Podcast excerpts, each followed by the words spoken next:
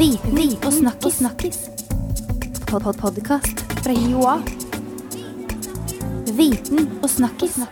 Velkommen til Viten og snakkes. Jeg heter Stig, og med meg i dag har jeg min gode kollega Halvard. Halloen. Og min gode kollega Anniken. Hallo.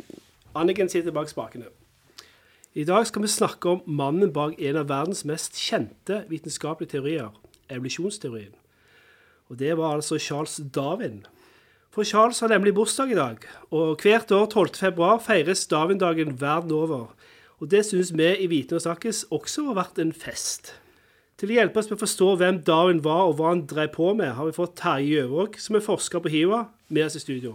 Velkommen. Hei, hei. Happy Darwin Day. Happy Darwin Day. Eh, Hvordan er det en feirer Darwin Day? Er det kake eller andre? Eh, Det er vel ganske nøkternt. Eh, Jeg er her i dag, og så blir det kanskje kake etter kaffen etterpå. Og det blir det? Ja, Det er ikke noe Darwin-flagg, dessverre. så...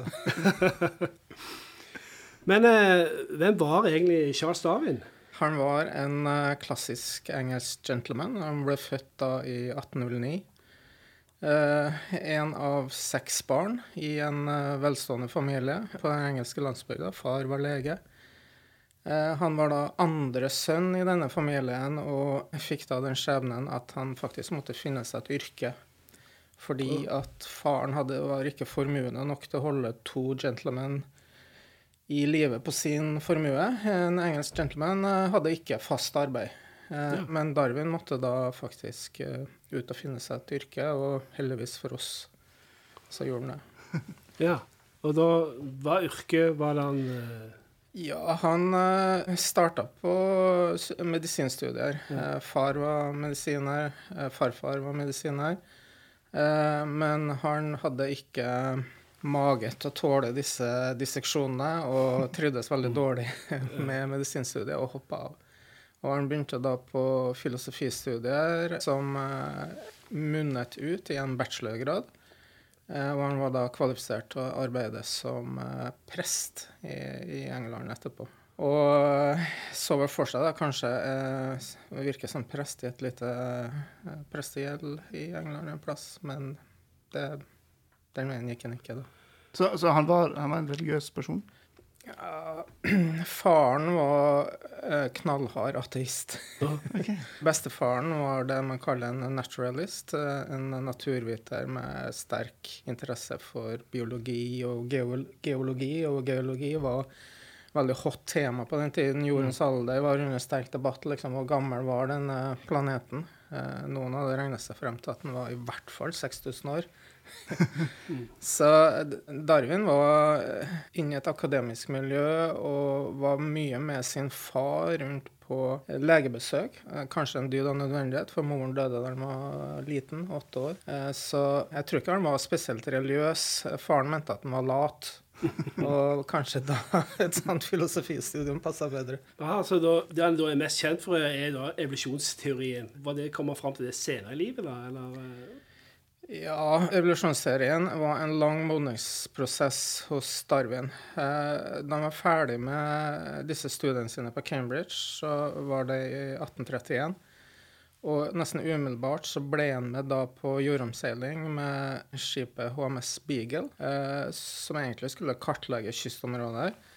Men han ble med da som ulønnet gentleman's assistant eh, og skulle holde da kapteinen med selskap eh, under disse, denne turen. Og Darwin eh, på denne reisen, som gikk veldig mye i Sør-Amerika, innom Galapagosøyene f.eks., han brukte veldig mye tid på land og samlet fossiler, geologiske formasjoner og planter og dyr som han studerte veldig nøye sendte masse reisebrev tilbake til Cambridge der han beskrev sine funn og sånne ting. Så Darwin ble på en måte, i den fem år lange turen dette varte, da, faktisk en ganske berømt naturforsker i, i løpet av denne perioden. Og de tingene han samla med seg da på denne turen med Beagle, danna grunnlaget egentlig for å komme fram til evolusjonslæren. Eh, men det tok en vel 20 år, da. Og så fikk han ideen til dette her på den eh, turen? Eller Eller var det Altså, i, på den tiden Darwin levde, så var det veldig sterk debatt om verdens tilblivelse, menneskets plass i verden og sånne ting. Og det var et hav av teorier på hvordan dette foregikk.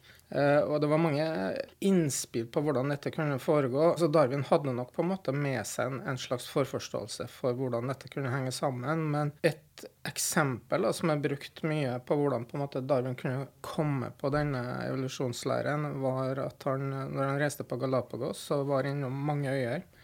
De ligger ganske tett, men det er dog såpass langt imellom at det ikke bare liksom er å ta seg dit med enkelhet. Man observerte da at det var en del sånn finkefugler på disse ulike øyene som var veldig like, men allikevel hadde veldig karakteristiske særtrekk som gjorde dem ganske forskjellige. Og Da tenkte han på at det må være noe med at det er ulikheter i miljøbetingelser på disse øyene som gjør at disse fuglene utvikler seg forskjellig. Og det er en tanke på en måte du finner igjen i hele evolusjonslæra. At det er ulikheter i miljøet som fører til ulik tilpasning og utvikling. Mm.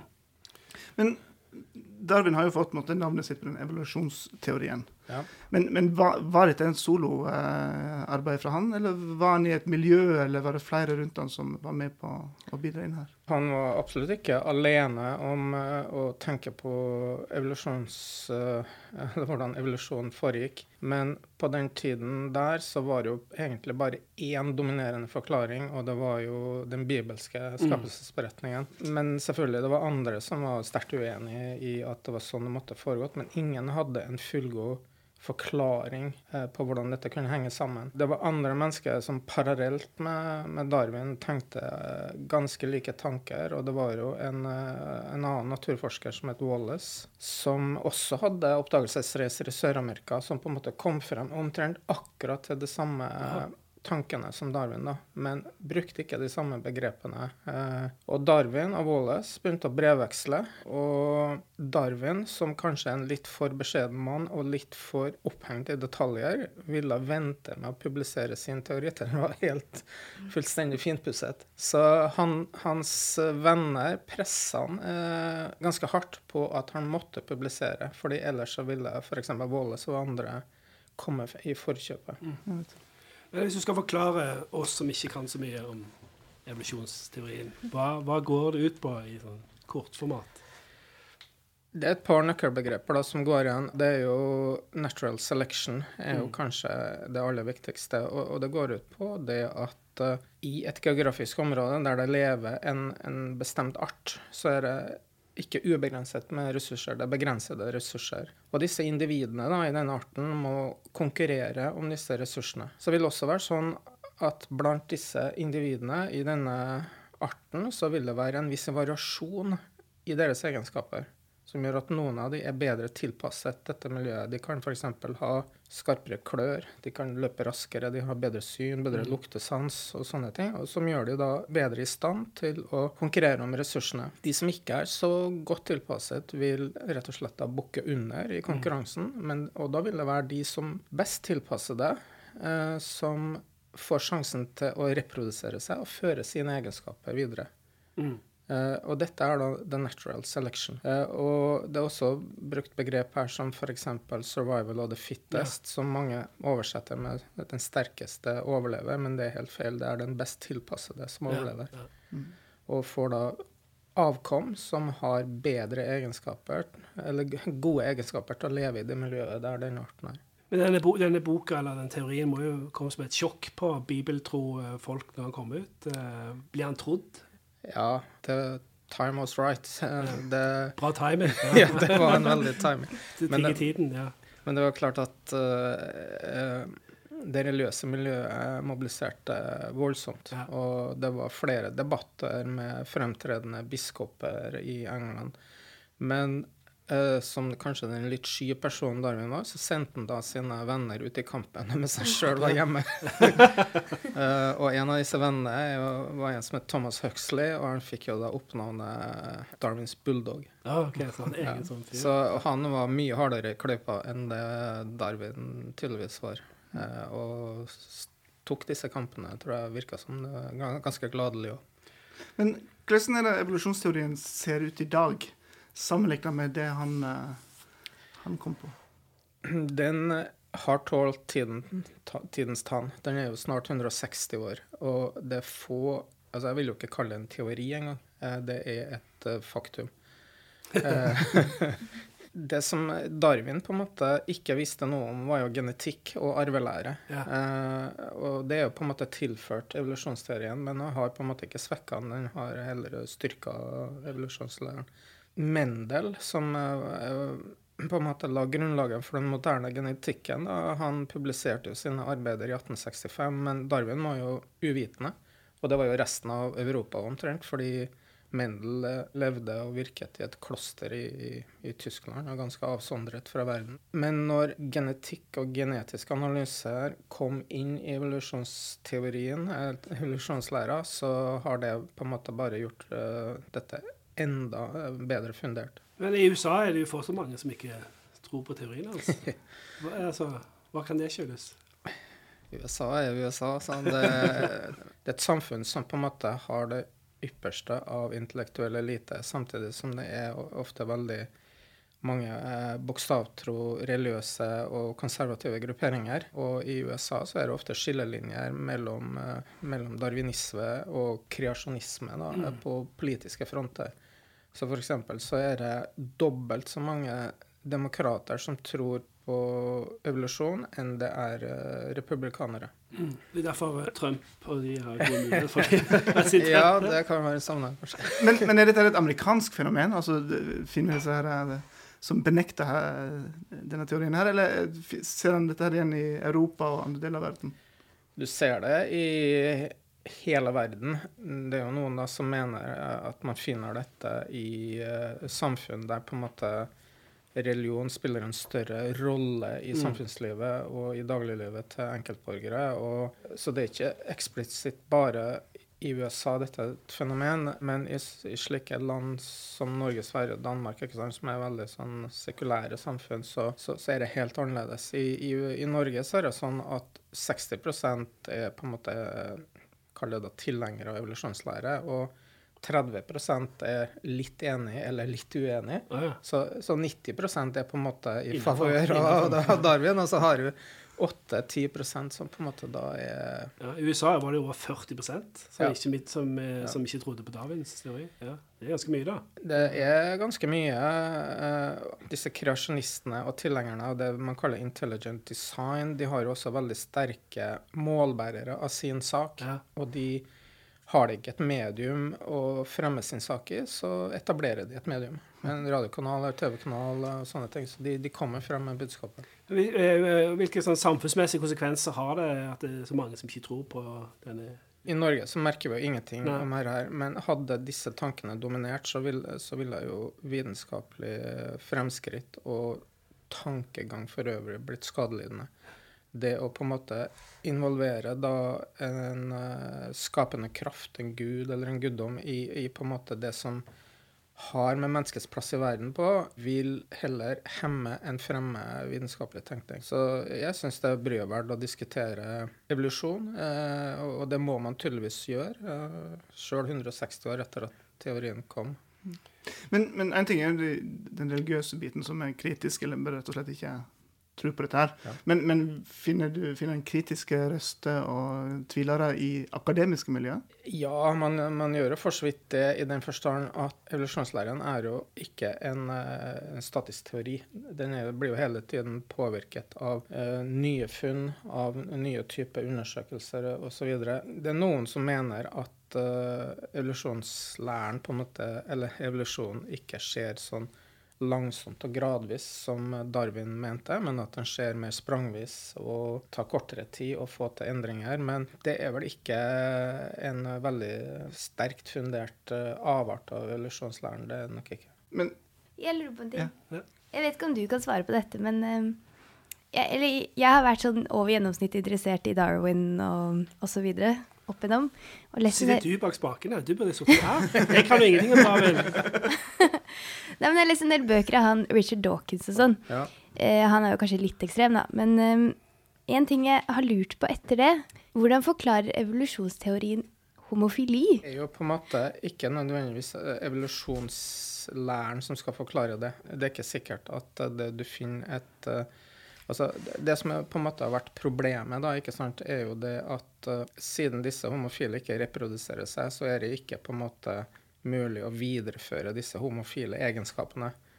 Ja, Noe som Eh, også da tilsvarer at homofili er arvelig, da. Så jeg vet ikke om det er Ja. Ja, nei, Det er jo diskutert om det er arvelig eller ikke, men poenget er da at eh, disse kritikerne av evolusjonslæren bruker da ofte dette som et eksempel på at eh, det er noe annet enn evolusjon på en måte som påvirker eh, disse uttrykkene for, for homofili. ja. Men altså, nå er jeg litt på tynn is, men Det var ikke meningen å sette deg sånn. Men fordi at dette er ikke mitt, mitt felt, egentlig. Men, men det er jo studier som viser det at f.eks. det biologiske miljøet i mors liv eh, Mm. kan f.eks. Eh, disponere for endringer og strukturelle endringer i hjernen som igjen disponerer for hvordan du orienterer deg i forhold til kjønn. Mm.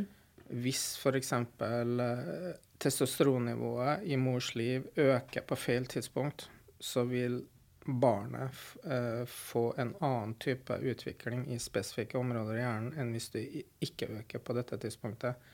Og det er noen som mener, forskere som mener at på, på en måte dette da kan påvirkes av hvordan mor lever. Hvordan mor påvirkes av stress og, og, og andre ting. Og da har du på en måte en miljømessig forklaring for hvorfor det stadig fødes homofile. På tross at de ikke reproduserer seg og fører videre da sine egenskaper. Ja. Så, så det er ikke klart svaret ligger i evolusjonen, men, men i, i, i, selvfølgelig i biologien. Eh, Mm. Ja. Ja, for det er jo litt som du sier, dette er jo noe som gjerne de som er mot, eller de som prøver å fremme at ikke evolusjonsteorien er sann, Ja. det er vel gjerne noe som de bruker. Ja, det brukes mange argumenter, og det bruker også argumenter f.eks. fra de som tror på intelligent design, om at f.eks. noe så avansert som et øye kan umulig bare oppstå via en gradvis og langvarig prosess, fordi at det er ikke noe vits liksom, med et Mm. øye som, som bare fungerer bitte lite grann. Men, men det er jo en fullstendig uh, intellektuell kortslutning. Selvfølgelig er det mye bedre med, med 1 syn enn en, en null syn. For, at for et individ da, så vil det avgjøre forskjellen om du kan sanse om det er mat i, i omgivelsene eller ikke. Mm. Øyet har utviklet seg uavhengig åtte-ti ganger i løpet av evolusjonshistorien i ulike arter, eh, og eh, fungerer på ulike måter. Så, så, så det at måte det må være en designer bak noe så avansert som øyet, er, er feil. Ja, for det, det- de som tror på intelligent design, det er jo fantastisk at det kan høres så fancy ut når det Ja. er litt sånn idiotisk i mine øyne, men eh, det er jo det at man kan ikke se Altså med våre øyne, man kan liksom ikke se over f.eks. 200 år at evolusjonen har funnet sted. Man mener vel faktisk nå at man kan faktisk observere evolusjon med det blotte øyet omtrent. Og det er et eksempel fra en engelsk eh, insektart eh, som levde på bjørketrær. De er jo ganske hvite i barken. Og dette er gamle studier, da, men de så at da England fremdeles fyrte mye med kull, så ble jo disse bjørketrærne i nærheten av disse kullkraftverkene er veldig mørke i barken. Disse lyse insektene står jo da veldig i kontrast, eh, og mange fugler, ikke sånn, andre insektetere, tok jo de da lyse individene. Så, så observerte man da at over tid så ble disse insektene gradvis mørkere og mørkere. Kunne da på en måte stå eh, mindre i kontrast til den mørke barken da, som, er, sant, som er farget av sot. Da. Eh, og dermed så fikk disse insekteterne vanskeligere betingelser, selvfølgelig. og da er det jo natural selection. ikke sant? De mørkeste individene er de som overlever. De, de lyseste blir spist. Ja. Det er jo litt det samme med sånn antibiotika og resistente bakterier Ja. kanskje også. Det er jo de som, overle eller de som overlever antibiotika, de bakteriene, de får reprodusere seg, og så, ja. Ikke sant? Og så blir det vanskeligere å ja. ja. Kanskje avslutte med hvordan ser vi på Darwin og, og hans evolusjonsteori om ja, 50 år? Står han like sterkt og like omdiskutert da, eller tror du eh, synet vil forandre seg i en annen retning? Jeg tror teorien står minst like sterkt. Det er ingenting som tyder på at det er noe som skal utkonkurrere dette med det aller, aller første, i hvert fall. Eh, men jeg tror kanskje på en større polarisering i, i samfunnet. Du tror det blir større polarisering? Ja, jeg tror det. Eh, fordi at det virker som nyreløsitet er litt på vei frem, og det er folk som tillegger religion større vekt i sitt dagligliv, og det er klart at det er vanskelig å forene dette for, for mange. Så du har sett det i England. Flere, eh, større og hardere fronter. Kanskje kommer det til Norge òg. Spennende. Ja. Skummelt. Nå skal vi iallfall hjem og lese mer Darwin. Ja, men det er å feire med kake og Kake. Ja. kake. Yep. Takk for at du ville høre hele episoden, du som fortsatt følger med. Ja, og det, denne gangen her skal vi òg si at eh, hvis du eh, hører på eh, denne episoden i en podkastspiller, så kan du faktisk trykke eh, 'abonner' eller 'subscribe', og så får du neste episode rett ned i podkastspilleren din. Og hvis du eh, liker det du hører, så kan du òg gå inn på eh, nettsiden vår blogg.hiwa.no slash og snakkes. Der finner du alle tidligere episoder. Og hvis du eh, hører på oss i iTunes, så er det veldig kult om du gir oss en stjernerating. Takk for oss. Viten og snakkis. snakkis. Pod -pod Podkast fra Joa. Viten og snakkis. snakkis.